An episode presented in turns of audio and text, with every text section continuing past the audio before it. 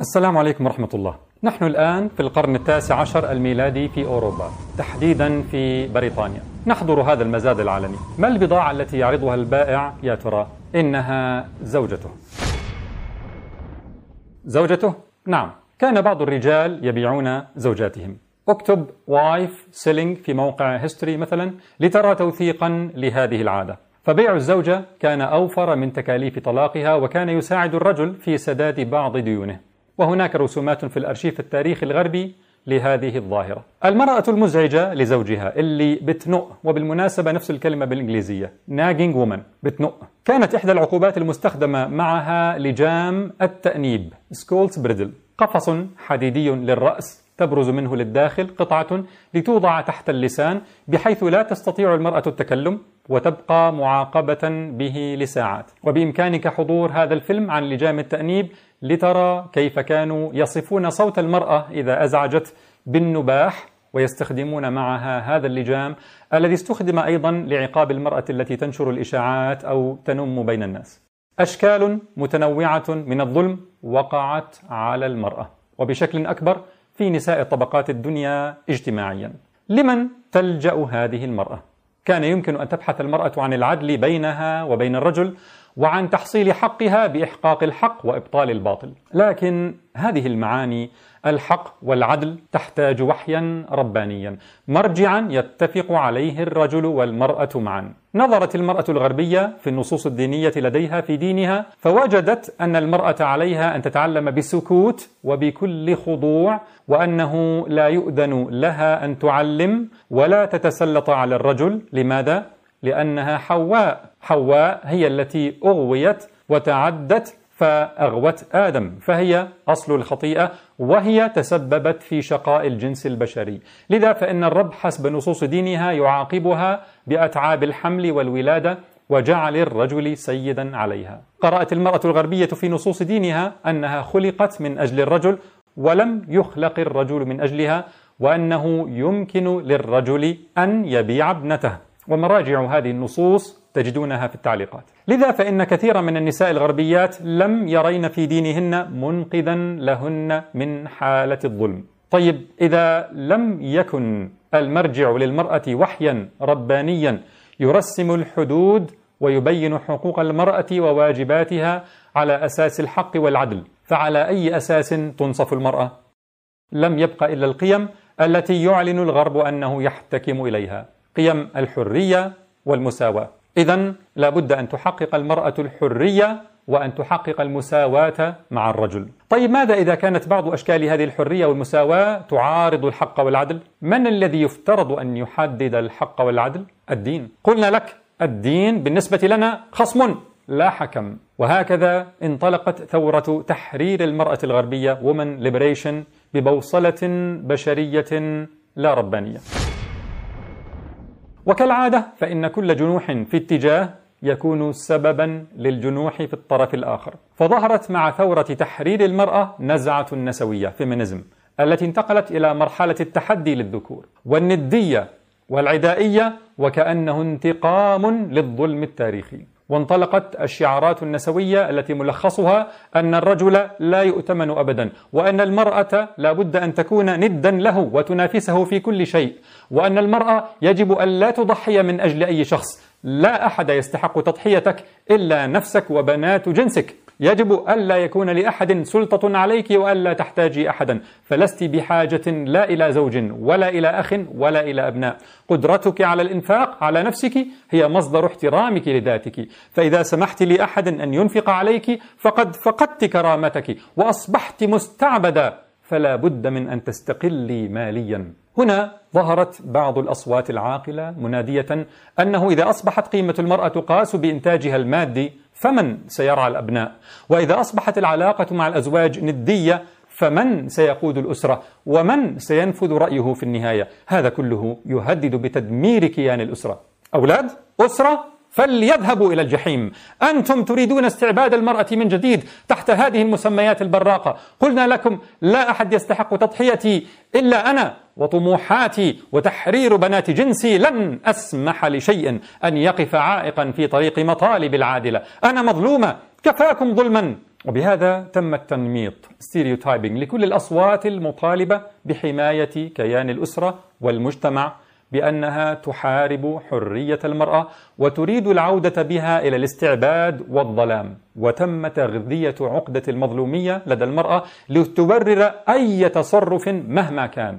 ظلمت كثيرا ماذا فيها؟ حتى وإن ظلمت قليلا لتحصل على حريتها ومساواتها. يظهر هذا في تصريحات كثير من قائدات النسويات مثل الأمريكية هيلين سولينجر القائلة لقد روج علينا الرجال فكرة الزواج ونحن الآن نعلم أن مؤسسة الزواج هي التي أفشلتنا وعلينا أن نعمل على تدميرها. إنهاء مؤسسة الزواج شرط أساسي لتحرير المرأة. ولذا فعلينا أن نشجع النساء على ترك أزواجهن لا أن يعشن معهم. يجب إعادة كتابة التاريخ كاملا على ضوء الظلم الذي تعرضت له المرأة. وهناك الكثير من التصريحات المماثلة للقيادات النسوية. هذه المرأة المظلومة الثائرة التي كل تصرفاتها مبررة كانت غنيمة لتجار القضايا من الساسة وكبار الرأسماليين ودعاة الفوضى الأخلاقية وأصحاب الأجندات الخاصة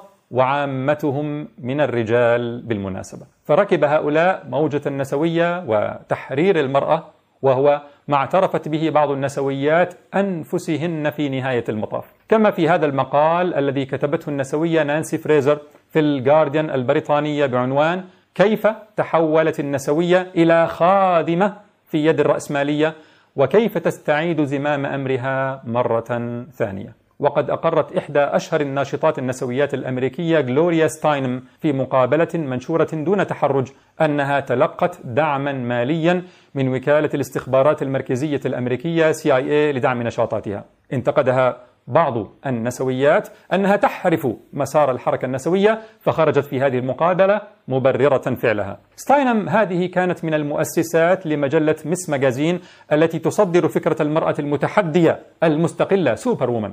وكانت تشرف على مركز خدمات الأبحاث المستقلة Independent Research Services لاحظ الأبحاث المستقلة مع أنها تتلقى دعما من جهات سياسية ما الذي استفاده الساسة وأصحاب رؤوس الأموال في أمريكا وأوروبا من ركوب موجة نسوية وتحرير المرأة؟ أولا عمل المرأة لتثبت نفسها وتحقق استقلالها يعني تحصيل ضرائب عن نصف المجتمع الذي كان يعمل في البيوت عملا لا ضرائب عليه. وستشكل عمالة أرخص من الرجال ولا زال التفريق في الأجور والترقيات قائما حتى اليوم. ثم هذه المرأة التي ستخرج للأجواء المختلطة أصبحت تصرف مالها على التجميليات والمباهاة والمنافسات المادية وهذا بدوره يصب في صالح المادية الرأسمالية. ثانيا سياسة فرق تسد. وتعزيز الفردية والفئوية بحيث تكون الدولة أو بالأصح من يرسم سياساتها هم الحكم بين الأفراد في خلافاتهم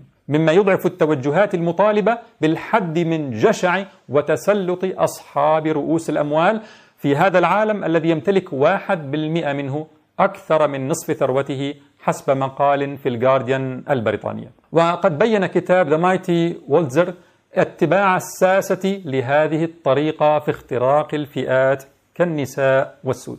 ثالثا الندية بين الأم والأب وانشغالهما عن الأبناء يعني تفتيت الأسرة وفقدانها لدورها المركزي في تربية الأبناء على ما يعتقده الوالدان. وبالتالي يصبح المربي هو المدرسة والدولة ويملي المتحكمون في سياساتها ما شاءوا من التوجهات على هذه القلوب الصغيرة. وقد شاع في أمريكا مصطلح العائلة النووية تم تذويبها. وقد استفاد الساسة في ذلك من معاداة النسوية لكيان الأسرة. تقول النسوية ماري بين حتى ننشئ الأبناء بالتساوي بين الجنسين علينا أن نأخذهم بعيدا عن العوائل ونربيهم تربية مجتمعية. وبالفعل تفككت كثير من الأسر ووصلت نسب الأولاد المشردين في أمريكا أرقاما تاريخية. كما في تقرير نشرته صحيفة النيوزويك. حيث في عام 2013 مثلا عانى 2.5 مليون طفل من التشرد. بعض هؤلاء الأطفال هاربون من بيوتهم المفككة. الأب مشغول والأم مشغولة أو متخاصمان متصارعان. والابن أو البنت لا أحد يهتم به أو تساء معاملته فيهرب أو تهرب. وهناك قسم مخصص من وزارة العدل الأمريكية لظاهرة الأولاد والبنات الهاربين Children or Runaway Youth. هؤلاء الأولاد والبنات بلا مأوى يتفشى فيهم بشكل كبير. المخدرات والأمراض النفسية والتعرض للإهانة والاستغلال الجنسي حيث يبيع بعضهم نفسه للممارسات الجنسية مقابل المأوى والأرقام في تصاعد مستمر. ماذا عن المرأة؟ والتي استخدمت كأداة للساسة وأصحاب رؤوس الأموال في تحقيق هذا كله. هل حصلت لنفسها حقا أو عدلا؟ كما كان ينبغي أن تكون مطالباتها. بل هل حققت حرية ومساواة كما كانت تتمنى؟ تعالوا الآن نرى قصتها بحقائق وإحصائيات من كبار المواقع الغربية. وأظنكم إخواني وأخواتي ستصدمون بما ستسمعون اليوم. لكن قبل أن أتابع بعض من يسمع هذا الكلام يتأهب ويستعد ليقول طيب ما المسلمين برضو عندهم ظلم للمرأة؟ أنت تنكر أن مجتمعاتنا فيها قصص كثيرة من الظلم للمرأة؟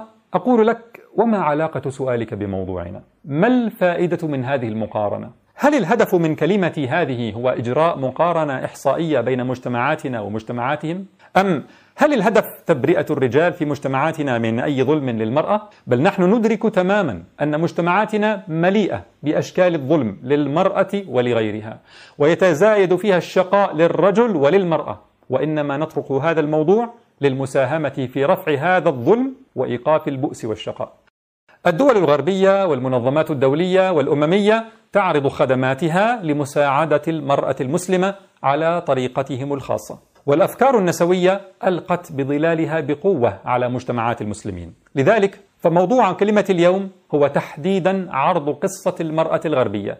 لنرى هل هؤلاء الذين يعرضون خدماتهم حلوا مشكلة المرأة لديهم بالفعل؟ هل حققوا لها العدل؟ بل هل حققوا لها الحرية والمساواة؟ هل هم يريدون خيرا للمرأة المسلمة بالفعل؟ هذا الطريق الذي يريدون وضع قدم المرأة المسلمة والمجتمعات المسلمة عليه. ما نهايته لذلك يا كرام ويا كريمات دعونا نعرض القصة دون تقطيع. دون ما أضطر كل شوي أقول لكم أود التأكيد على أن الظلم الحاصل في بلادنا لا يمثل الإسلام. لا تظنوا أني ضد عمل المرأة بكافة أشكاله. أرجو ألا تسيء فهمي بكذا وكذا. دعونا من حالة الدفاع التي يضعنا عدونا فيها دائما. ولنتعاون كمسلمين ومسلمات إخوة وأخوات على تشخيص المشكلة و تمييز الحل الحقيقي من الحلول الزائفة التي لا تزيدنا إلا بؤسا وشقاء. إذا المرأة الغربية تعالوا نرافقها محطة محطة. الفتاة المشردة في الشارع أو في بيت أهلها لكنها مستقلة وتريد أن تصرف على نفسها أو لم يعد معها ما يكفي لمتابعة الدراسة في الجامعة. ما الحل؟ هناك ظاهرة في بلاد الحرية نتورع عن ذكر اسمها. تبيع فيها هذه الفتاة المحتاجة للمال عرضها لرجل يكبرها سنا في سن والدها فيستأجرها جنسيا ويصطحبها معه كجزء من ديكوره مقابل مبلغ من المال. يعني تعمل part time في البغاء وتبقى طالبة في الجامعة. هذه مقابلة مع أحد المشترين لعرض ستة من الفتيات بماله وانظروا قيمة المرأة عنده. Tommy was an IT executive who retired with enough to spend about 150,000 a year on the ladies combined. Cheaper than a marriage, he says, and a small price to pay for what he gets. When you walk into a room and you have a beautiful woman with you, it's, it's a compliment to you as a male. It's, it's like pulling up in a really nice car or something, you know. إذا يقول هذا المستأجر أن الاستمتاع بعدد من الفتيات بهذه الطريقة أرخص من الزواج وأن الدخول على مكان بفتاة جميلة هو مثل أن تظهر بسيارة جميلة. هذه قيمة المرأة عنده أصبح هناك عدد من مواقع النت لإتمام هذا النوع من الخدمة وإحصائيات تفصيلية عن دخل الفتيات من هذا التأجير للأعراض وعن أعمار وطبيعة أعمال الذكور المشترين للأعراض. وكيف أن نسبة كبيرة من مشتري الأعراض هؤلاء هم من القياديين في شركات كبرى ومن رجال الأعمال. بالمناسبة لعلكم أصبتم بالاشمئزاز وأنتم تسمعون هذا الشخص الذي يتكلم عن النساء كسلعة جنسية جزء من ديكوره كشيء thing وليس كإنسانة human. لكن ماذا إذا علمتم أن التعامل مع المرأة كشيء أو سلعة أصبح هو الأصل في الغرب؟ في بحث منشور سئل عدد من الأمريكان عن الصفة التي يقدرونها أكثر شيء في الرجال والنساء فجاءت الأمانة والأخلاق على رأس القائمة بالنسبة للرجال. بينما في حالة النساء كانت الصفة الأهم التي يقدرها الشعب الأمريكي هي physical attractiveness physical attractiveness الجاذبية الجسمية. إذا تقدير المرأة مرهون بجاذبيتها الجسمية وهذا يقود إلى ظاهرة مهمة يسمونها sexual objectification of women يعني التسليع الجنسي للنساء. التعامل مع المرأة على أنها شيء للاستعمال سلعة جنسية. لا إنسانة تقيم بإيمانها وأخلاقها وأمانتها ولا حتى بذكائها ومهاراتها. هذا بحث في الموضوع تمت الإحالة إليه مئات المرات. وهناك عشرات الأبحاث العلمية المنشورة عن هذا الموضوع عن sexual objectification of women وهذه الأبحاث بالمناسبة إخواني لا تتحدث عن تسليع المرأة كظاهرة خبيثة لا إنسانية يجب محاربتها بل كظاهرة تدرس علميا لتحليل آثارها النفسية بحيادية. تذكر هذه الأبحاث أن عامة النساء أصبحن يرين أنفسهن كسلع جنسية للرجال وأن الإعلام يكرس هذه النظرة والمجتمع يكرسها وحتى ال video games تكرسها. وأن أجساد النساء تعرض للدعاية وكديكور وأن هذا يؤدي إلى العناية المفرطة من بعض النساء بأشكالهن وإمضاء أوقات طويلة أمام المرآة ويؤدي إلى أمراض نفسية لدى بعضهن بالإصابة بالخزي من أجسادهن. body shame خزي لأنها تعامل كسلعة جنسية وهي كارهة لذلك أو خزي لأنها ليست جذابة في مجتمع يقيمها بحسب الجاذبية. وتذكر الأبحاث أن بعض النساء يتعرضن لأمراض نفسية بسبب ذلك ويقارن أنفسهن بالمرأة الدعائية النمطية ال typical فيقمن بعمليات تجميلية plastic surgery أو يستخدمن أدوات تجميلية لتغيير لون الشعر أو الجلد أو العينين. لكم أن تتصوروا الآن هذه الفتاة الحرة التي تريد أن تثبت نفسها والتي يراها المجتمع سلعة جنسية ويقيمها بحسب جاذبيتها الجسمية. لكم أن تتصوروا ما الذي ستتعرض له في الشارع في وسائل المواصلات في الجامعة في بيئة العمل بل وحتى إلكترونيا وهي في بيتها. أصدرت وكالة الاتحاد الأوروبي للحقوق الأساسية تقريرا عام 2014 بعنوان معبر. Violence Against Women. Every Day and Everywhere. العنف ضد المرأة. كل يوم وفي كل مكان. ويتناول التقرير كذلك الانتهاكات الجنسية التي تتعرض لها الأنثى في الطفولة. تعالوا إلى وسائل المواصلات. الأمم المتحدة تنشر قبل سنتين خبرا بعنوان الغالبية العظمى من النساء يتعرضن لشكل من أشكال التحرش أو العنف الجنسي في تنقلاتهم اليومية. لاحظ الغالبية العظمى. ويبدأ الخبر بأن هذه الإساءات تفشت بشكل وبائي عالميا. وفي تقرير تم إعداده من عدة جهات في فرنسا منها وزارة الدولة لحقوق المرأة State Secretary for Women's Rights. يقول التقرير أن 100% من النساء اللواتي يستخدمن وسائل النقل العام في فرنسا. تعرضن للتحرش أو الاعتداء الجنسي. ووكالة الأنباء الفرنسية تناقش أن هذه النسبة مبالغ فيها. ولك أن تتصور أن الحديث عما إذا كانت النسبة 100% أو أقل. ماذا عن الفتاة في الجامعة؟ أذكر حين دخلت جامعة هيوستن الأمريكية لإتمام الدكتوراه كيف وزع علينا كتيب فيه إحصائيات. منها أن واحدة من كل ثلاث طالبات تتعرض للتحرش. وما على الطالبة أن تعمله لتتجنب هذا وإن حصل فعلى أي رقم تتصل وهكذا. والأمر إخواني يزداد سوءا والنسب تتضاعف عالميا. حتى في الأوساط العلمية التي يفترض اجتماعيا أنها راقية. فحسب دراسة نشرت العام الماضي نصف طالبات الطب في أمريكا يتعرضن للتحرش. وفي عامنا هذا 2019 أكثر من نصف الطالبات في بريطانيا يتعرضن لاستفزازات جنسية غير مرغوب بها لديهن حسب دراسة نشرت عنها الجارديان البريطانية وقالت أنها أكبر دراسة في المجال. للطلاب والطالبات هذا التحرش لا يحترم رتبة أكاديمية ولا هيبة معلم. فهناك تحرش من الطلاب الجامعيين بالدكتورات اللواتي يدرسنهم وتحرش من الدكاترة بالطالبات. تصور أن تدخل الطالبة على الدكتور تريد, تريد علما فيتحرش بها. تخرجت الفتيات الحرات من هذه الأجواء الجامعية بعد أن تعرضن إلى التحرش أو على الأقل نصفهن للتحرش. وعليهن الآن البحث عن عمل فعمل المرأة هو مصدر أمانها الوحيد. فلا أحد مسؤول عنها. كما أنه ليس للأب ولا للأخ ولا الزوج أن يتدخل بها فهم كذلك ليسوا مسؤولين عنها. نحن كثيرا ما ننسى هذه الحقيقة في الحديث عن المرأة الغربية. نتكلم عن حريتها لكن ننسى أن هذه الحرية مصحوبة أيضا بالتخلي عن المسؤولية عنها وعن كفاية حاجاتها ورعايتها والإنفاق عليها. لذا فلا بد للمرأة الحرة أن تثبت نفسها في عملها. لئلا تطرد منه فهو مصدر أمانها. طيب ماذا إذا طلب منها أشياء لا تناسب طبيعتها كأنثى؟ لن تستطيع أن تعترض لأنها أقرت بمفهوم المساواة المطلقة مع الرجال في كل شيء وعليها أن تعمل في أي شيء يأتي بالمال. وقد تصل لمرحلة المحافظة على عملها مصدر أمانها الوحيد باستخدام عرضها أيضا. وهذا مقال نشر في البي بي سي البريطانية عام 2002 بعنوان واحدة من كل أربع نساء يعني في بريطانيا تمارس الجنس في مكتب العمل office sex كان هذا عام 2002 لكن الأمر يزداد سوءا. ففي آخر إحصائيات موقع Safeline البريطاني الذي يعنى بمساعدة النساء المتعرضات للتحرش فإن أكثر من نصف النساء في بيئات العمل يتعرضن للتحرش ونسبة منهن تتعرض له من مديرها أو من له سلطة وظيفية عليها. وفي دراسة ضخمة جدا في أمريكا كانت نسبة التحرش بالنساء في مكان العمل 58% ونسب عالية من تحرش الأطباء بالطبيبات كذلك. وكذلك في أجواء التمريض المعروف عنها أنها مهنة إنسانية كما في هذه الدراسة الأمريكية التي تشير إلى أن أكثر من 70% من الممرضات يتعرضن للتحرش من المرضى وزملاء العمل.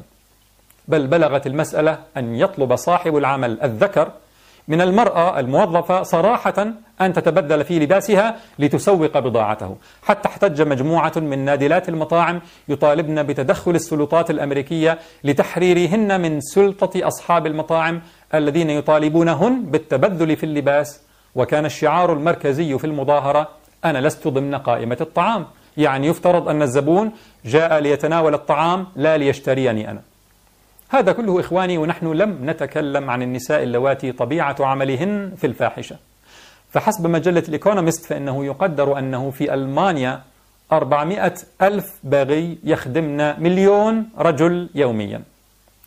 طيب المرأة العاملة طردت من عملها لسبب من الأسباب أو فرت بأنوثتها من هذه الأجواء المسعورة جنسيا. مش مشكلة. سيراها زوجها أخوها أبوها القائمون عليها المسؤولون عنها. مسؤولية مين؟ أنت نسيت أنها اعتمدت على نفسها وأثبتت نديتها واستقلاليتها ورفضت تدخل هؤلاء جميعا فيها بل وهم أصلا تخلوا عنها. طيب والحل؟ هناك ضمان اجتماعي. طيب وإذا الضمان الاجتماعي ما كفاش؟ أو تأخر في إعطاء الراتب؟ يأتيك الجواب من مقال نشر في بي بي سي البريطانية قبل عام بعنوان نظام الضمان الاجتماعي في بريطانيا اضطرني للدعارة. ويبدأ المقال بقوله يجبر بعض النساء في بريطانيا على العمل في مجال الدعارة بسبب غياب كفاءة نظام الضمان الاجتماعي. تحدثت بي بي سي إلى خمس مؤسسات خيرية في إنجلترا وعلمت أن عددا متزايدا من النساء اللواتي يعتمدن على نظام الضمان الاجتماعي.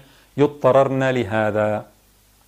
وعندما تعمل المرأة في مجال إهدار كرامتها فإنها تشغل قطاعا آخر من القطاعات التي يملك حيتان الرأسمالية حصصا منها قطاع الكازينوهات والنوادي الليلية. والملفت للنظر أن النسبة العظمى من النساء اللواتي يتعرضن للتحرش والاغتصاب في وسائل النقل في الجامعة في بيئة العمل لا يشتكين للسلطات. قد تظن أنه آه هذا يحصل لأنها تستمتع بذلك. It is okay بالنسبة لها. أن تتعرض للتحرش أو الاغتصاب وتعتبر ذلك إطراء على أنوثتها. ليس صحيحا بل النسبة العظمى منهن يعانين بعد هذا التحرش أو الاغتصاب من الإهانة الشعور بالإهانة وهجمات الرعب ال panic attacks والاكتئاب والشعور بالخزي واحتقار الذات والرغبة في الانتقام بل وأمراض عضوية وقد تترك دراستها أو عملها بسببه حسب مكتب ضحايا الجرائم الأمريكي. طيب لماذا لا يشتكين إذن؟ لأسباب كثيرة منها الخوف من تأثير الشكوى على وظيفتها ومنها الإحساس بالخجل والعار مما حصل معها ومنها عدم امتلاك الأدلة الكافية المعتدي يعتدي عليها في زاوية مظلمة أو بعيدا عن العيون فلا دليل ولا إثبات ويفلت من العقوبة وبعضهن يخضعن للمعتدي لأنهن يخفن من تحول المسألة من تحرش عابر إلى عنف وإيذاء جسدي إذا رفضن الخضوع لسعاره الجنسي. وتبقى المرأة تتجرع الآثار المدمرة على نفسها. Devastating toll كما يعبر قسم ضحايا الجرائم الأمريكي. قد تقول الحق عليها هي التي تلبس وتتصرف بطريقة تغري الرجال بها. هذا مما يعتبره قسم ضحايا العنف الحكومي إحدى الخرافات مثس عن اغتصاب المرأة. فالكل معرض كل النساء معرضات. هناك من تساهم في إحداث حالة السعار الجنسي وهناك من النساء من تدفع الثمن. هذه المرأة المدمرة المحتاجة إلى رعاية نفسية تذهب لتتعالج فتتعرض للتحرش على يد الطبيب كما بدأ النساء يظهرن في موجة مي تو الشعار الذي أطلقه النساء ليشجعن بعضهن على رفع الأصوات بكشف ما يتعرضن له من اعتداءات جنسية. بل وتنتشر ظاهرة التحرش والاستغلال الجنسي للمريضات على يد الأطباء النفسيين والمعالجين النفسيين الذين يفترض أن ينقذوها من معاناتها طيب لماذا لا تشتكي المرأة لأعضاء البرلمانات الذين يشاركون في سن القوانين وإصدار العقوبات البرلمانات حسب دراسة نشرت عنها السي ان ان العام الماضي فإن التحرش بالنساء منتشر أيضا في البرلمانات الأوروبية أين تذهب المرأة بعد هذا كله؟ إلى أين تلتجئ؟ بمن تحتمي؟ في بحث منشور وجد أن الغالبية العظمى من النساء في أمريكا تعبر عن أنها تعاني من ضغط نفسي في المحافظة على الجاذبية لتكسب التقدير. فالتقدير مرهون بالجاذبية الجسمية رقم واحد كما يذكر البحث نفسه. فهي إذا معادلة صعبة. حتى تحسي بالتقدير والتعامل معك باهتمام لابد أن تكوني جذابة. وعندما تصبحين أنت وغيرك من النساء جذابات يصاب المجتمع بالانفلات الجنسي ويعتدي عليك أحدهم وتفقدين تقديرك واحترامك أنت لنفسك. المهم جدا إخواني وأخواتي أن تعلموا أن هذا التعامل مع المرأة حين تخرج لدراستها لعملها لعلاجها فإذا بذكر يمد يده إليها ليعبث بها ويهينها كأنها لعبة لانفلاته الجنسي أن هذا ليس ناتجا عن نزوات جنسية عابرة. بل نظرة الذكور لها مشوهة أصلا واحتقارية ومن الصغر. ودعك من دعاوى المساواة والاحترام المتبادل وهذا الكلام الدعائي الذي لا نصيب له من الواقع. ففي إحصائية نشرها مكتب ضحايا الجرائم الأمريكي تم سؤال المراهقين إن كانت ممارسة الجنس مع فتاة بالإجبار مقبولة؟ فأجاب 36% منهم أن نعم إذا كان هائجا بحيث لا يستطيع أن يكبح جماح نفسه. وأجاب 39% منهم أن نعم مبرر إذا كان قد أنفق عليها الكثير من المال. يعني يرى أنه إذا صرف عليها مالا كهدايا أو سندويشات فمن حقه أن يعبث بها جنسيا وأن يرغمها على الجنس. بتعبيرهم forced sex was acceptable. لكن لحظة أنت تعرض جانب الاعتداء الجنسي على المرأة. هناك في المقابل نساء وفتيات راضيات بالعلاقات الغرامية. صحيح أن هذا غير شرعي وحرام لكنهن سعيدات بهذه العلاقات لأنها بالتراضي. أها سعيدات. هكذا أفهموك بالأفلام الأجنبية التي كلها خيال تماما كما هي الخيالات عن سكان الفضاء. تعالوا نبتعد قليلا عن هوليوود وندخل على المواقع الرسمية الحكومية الأمريكية والأوروبية لنرى بعيدا عن التحرش والاغتصاب كيف تعامل المرأة من قبل ما يسمونه intimate partner يعني الشريك الحميم والذي قد يكون زوجا أو عشيقا. ادخل مثلا على موقع وزارة العدل الأمريكية وتصفح الإحصائيات المختصة بالعنف ضد النساء Violence Against Women. واقرأ عن ظاهرة Battered Woman Syndrome. ما معنى هذا المصطلح؟ باتر يعني يضرب بقوة واستمرار يسحق يقصف بالقنابل. ف battered woman syndrome هي ظاهرة المرأة المضروبة بهذا الشكل. مثل هذه المرأة التي بررت قتل ال boyfriend لأنها تعرضت لل battered woman syndrome ومثل عدد كبير من النساء وبعضهن ينشرن صورهن. مرة أخرى هل هذه الحالات من العنف البشع حالات شاذة؟ حسب المواقع الرسمية الأمريكية مثل موقع التحالف القومي ضد العنف المنزلي فإن واحدة من كل أربع نساء يتعرضن للعنف الشديد من قبل الشريك الحميم. وهذه النسب لا تشمل ما تتعرض له المرأة على يد غرباء عنها strangers. ولا تشمل العنف والضرب غير الشديد الذي تتعرض له. إلى درجة أن ربع إلى ثلث زيارات النساء لغرفة الطوارئ في أمريكا ناتجة عن ضربهن حسب مكتب ضحايا العنف الحكومي. وعندما تحكم العضلات فلا شك أن الرجال سيتفوقون. لذا ففي دراسة في أمريكا على حالات العنف بين الشركاء أزواجا أو عاشقين والتي أدت إلى دخول غرفة الطوارئ كان 93% من الحالات من النساء مقابل 7% رجال. بل وهذا العنف كثيرا ما يصل إلى حد القتل. فقبل أيام خرجت مسيرات في فرنسا للتنديد بالعنف الأسري بعد مقتل 116 امرأة على الأقل في عام 2019 ونشرت وكالة الأنباء الفرنسية أن امرأة فرنسية تموت كل ثلاث أيام على يد زوجها أو رفيقها أو شريك حياتها. ومن أيام أيضا نشرت وكالة الأنباء الفرنسية خبرا عن مسيرات تعترض على إهانة المرأة بعنوان العنف ضد النساء اغتصاب امرأة كل سبع دقائق في فرنسا وقد تستغرب إذا علمت أن أكثر من نصف ضحايا الضرب المبرح يحتجن لمساعدة طبية بشكل متكرر أكثر من ست مرات حسب المواقع الحكومية يعني تضرب وتهان مرارا وتكرارا على يد زوجها أو رفيقها طيب لماذا لا تهرب هذه المرأة؟ تهرب إلى أين؟ إلى بيت أبيها أو أخيها نسيت؟ هي لا تعرف أباها أصلا أو أنها تعرفه لكنه ليس مسؤولا عنها. فهي حرة مستقلة متساوية مع الرجل لا تحتاج أحدا أثبتت نفسها. مما تقدمه الدول الغربية لهذه المرأة هو ظاهرة أخرى اسمها باترد وومن شيلتر مأوى المرأة المضروبة ضربا مبرحا. مكان تأوي فيه مؤقتا ريثما تتعافى من الضرب وتبحث عن طريقة لكسب العيش. هذه المرأة المضروبة بشدة من رفيقها تود أن تتخلص من أي شيء يذكرها به.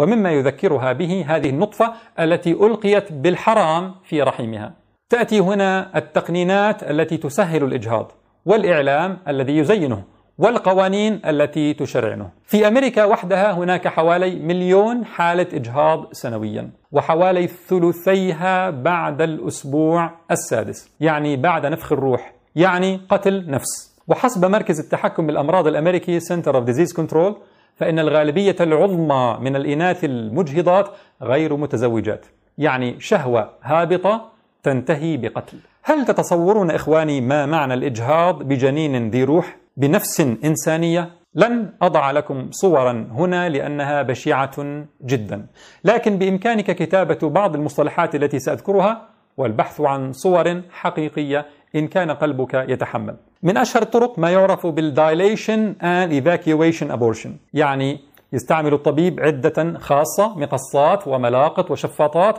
فيقص الطبيب الجنين وهو في رحم أمه قطعة قطعة ويخرجه قطعة قطعة اليدين الرجلين الرأس البطن. هذا الإجراء يتم يوميا بأعداد ضخمة عبر العالم. وهناك أشكال أخرى من الإجهاض بشعة أيضا. وإذا ولدت المرأة ولم ترغب في الاحتفاظ بمولودها فها هي ظاهرة الصناديق الدافئة تنتشر في أوروبا وأمريكا. حيث يوفر في الشوارع صناديق تضع فيه المرأة المولود بدلا من أن ترميه في الزبالة كما يفعل بعض النساء الحرات المستقلات. بل ووصلنا إلى مرحلة تبرير قتل الأولاد حديثي الولادة إذا كانت الأم لا ترغب في بقائهم كما بينا بالتوثيق في كلمة عندما يلبس أبو جهل اللبكوت. وإذا الموءوده سئلت بأي ذنب قتلت؟ لم يتوقف الوأد بل ها هو يتم على يد أطباء يلبسون اللبكوتات البيضاء وبشكل مقنن. وها هي الجنين الأنثى؟ تحرم من حق الحياة لتكتمل قصة الإهانة وانتهاك الحقوق محطة محطة.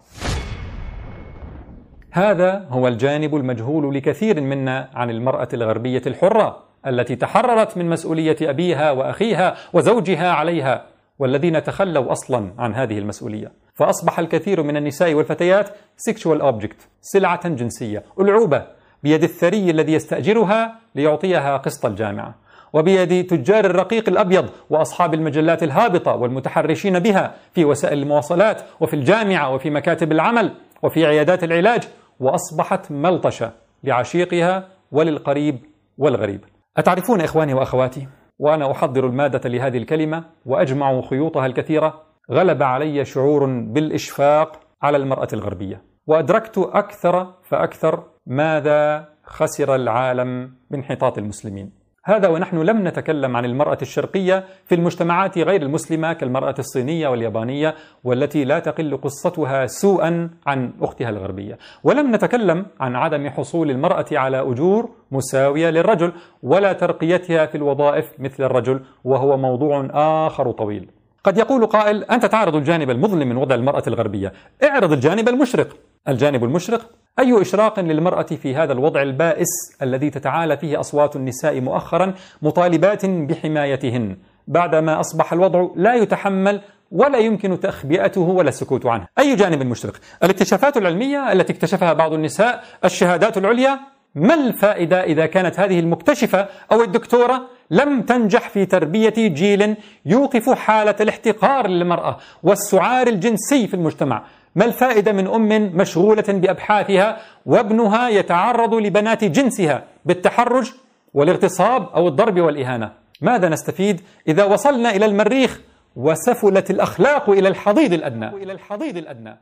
ثم هل نماذج النجاح المادي لدى النساء كانت مشروطة بالندية والاستقلالية عن الرجل؟ هل النزعة النسوية هي التي حققت هذه الإنجازات أما كان يمكن تحقيقها بل وأكثر منها بالتكامل والتعاون ومعرفة كل لحقوقه وواجباته وتنشئة جيل سوي نفسيا في أحضان أسرة مستقرة؟ في مقال الجارديان والذي ذكرناه في البداية تقول نانسي فريزر كلمة تلخص الكثير من الصيحات التي صدرت من بعض النسويات الغربيات مؤخرا. تقول كواحدة من النسويات كنت أفترض دائما أنني بنضالي لتحرير المرأة كنت أقوم ببناء عالم أفضل أكثر مساواة وعدلا وحرية.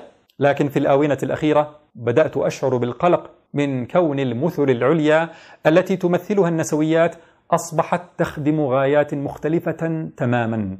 أخشى على وجه التحديد أن نقدنا للجنسانية التمييز الجنسي أصبح مسوغا لأشكال جديدة من عدم المساواة والاستغلال. هذه هي النتيجة لتحرير المرأة الذي انطلق ببوصلة منحرفة تماما. فتلقفها تجار المآسي فاستخدموها لأغراضهم ولا هي حصلت لنفسها بعد ذلك حقا ولا عدلا ولا حرية ولا مساواة. اقرأ واقرأي بعد هذا كله قول ربك عز وجل. الرجال قوامون على النساء بما فضل الله بعضهم على بعض وبما أنفقوا من أموالهم. اقرأ قوله تعالى والمؤمنون والمؤمنات بعضهم أولياء بعض يأمرون بالمعروف وينهون عن المنكر. اقرأ وأنت ترى battered woman syndrome اقرأ قول ربك وعاشروهن بالمعروف. واقرأ ولهن مثل الذي عليهن بالمعروف. واقرأ قول نبيك صلى الله عليه وسلم خيركم خيركم لأهله وأنا خيركم لأهلي. وأنت ترى ال sexual objectification التسليع الجنسي للمرأة الغربية.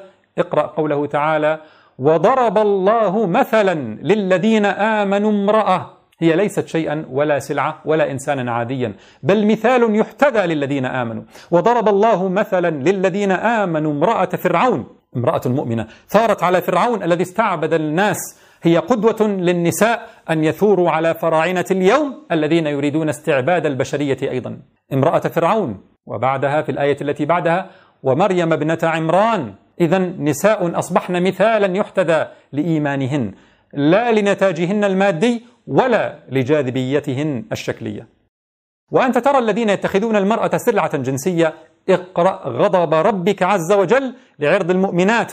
غضبه على من يمسون سمعة عرضها. فيقول ربي سبحانه إن الذين يرمون المحصنات الغافلات المؤمنات لعنوا في الدنيا والآخرة ولهم عذاب عظيم. اقرأ واقرأي يا أيها النبي قل لأزواجك وبناتك ونساء المؤمنين يدنين عليهن من جلابيبهن ذلك أدنى أن يعرفن فلا يؤذين. وكان الله غفورا رحيما. اقرأ قول نبيك صلى الله عليه وسلم فاظفر بذات الدين تربت يداك. ذات الدين لأنها ليست سلعة جنسية ولا تقيم بجاذبيتها الجسمية بل أهم ما فيها دينها وأخلاقها.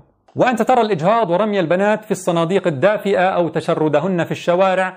اقرأ قول نبيك صلى الله عليه وسلم من كن له ثلاث بنات يؤويهن ويرحمهن ويكفلهن وجبت له الجنة البتة. قيل يا رسول الله فإن كانت اثنتين؟ قال وإن كانت اثنتين. وأنت ترى السعار المنفلت اقرأ قول حبيبك صلى الله عليه وسلم إنما النساء شقائق الرجال. واقرأ بعد هذا كله قول الله تعالى في سورة النساء يريد الله ليبين لكم ويهديكم سنن الذين من قبلكم ويتوب عليكم. والله عليم حكيم. والله يريد أن يتوب عليكم ويريد الذين يتبعون الشهوات أن تميلوا ميلا عظيما. يريد الله أن يخفف عنكم وخلق الإنسان ضعيفا. اقرأ وانظر إلى حاجتنا إلى دين ربنا لينعم الرجل والمرأة.